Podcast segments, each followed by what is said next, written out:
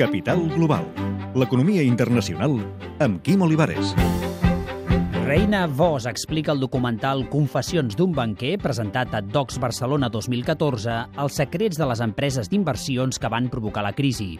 Hem parlat amb aquest ex-executiu bancari que el primer dia com a agent de borsa va guanyar més diners que els que havia estalviat el seu pare enginyer en tota la carrera.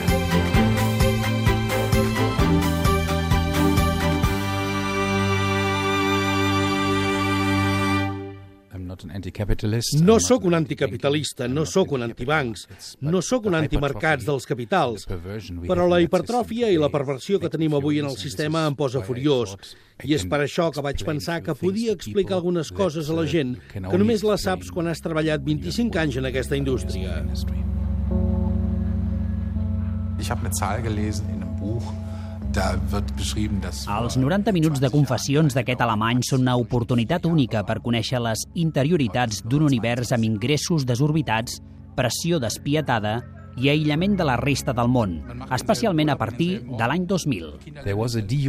Hi va haver una deshumanització del negoci o de l'economia. La gent es va tornar més agressiva. Saps, va ser com esdevenir un instrument de producció en lloc de ser persona. I penso que això encara s'ha intensificat els últims anys i és una cosa que em preocupa molt.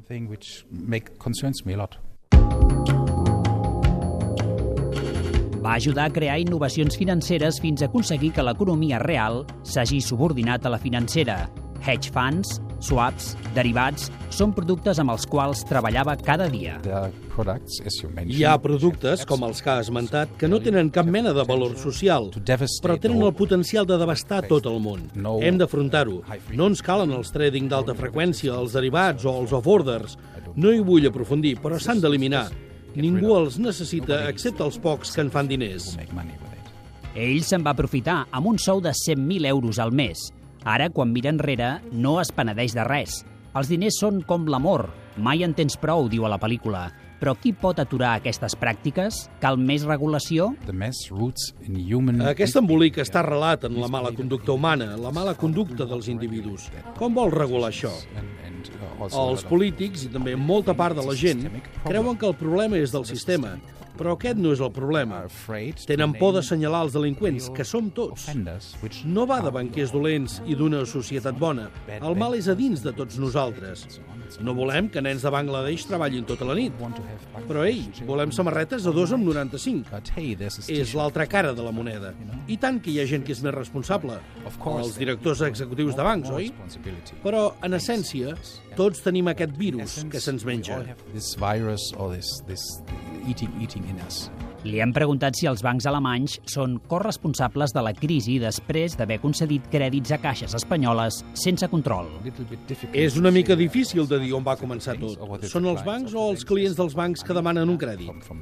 Amics espanyols m'explicaven que a molta gent se li esgotava el crèdit de la targeta. Llavors n'agafava una segona i seguia i seguia. És difícil dir a qui s'ha de culpar. Això és el que dic. Tots són víctimes i culpables. Llavors no podem dirigir el nostre descontentament contra ningú?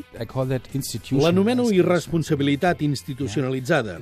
Imagini's que vostè és al meu cap i em fa fora i em diu Sap, reina? He decidit que ha de plegar. Llavors puc pensar a donar-li un cop de puny o una puntada al cul o plorar o el que sigui. Però tinc un focus d'atenció per les meves emocions. Avui vostè acomiada mil persones i si algú li pregunta per què, li diu són els mercats o la globalització.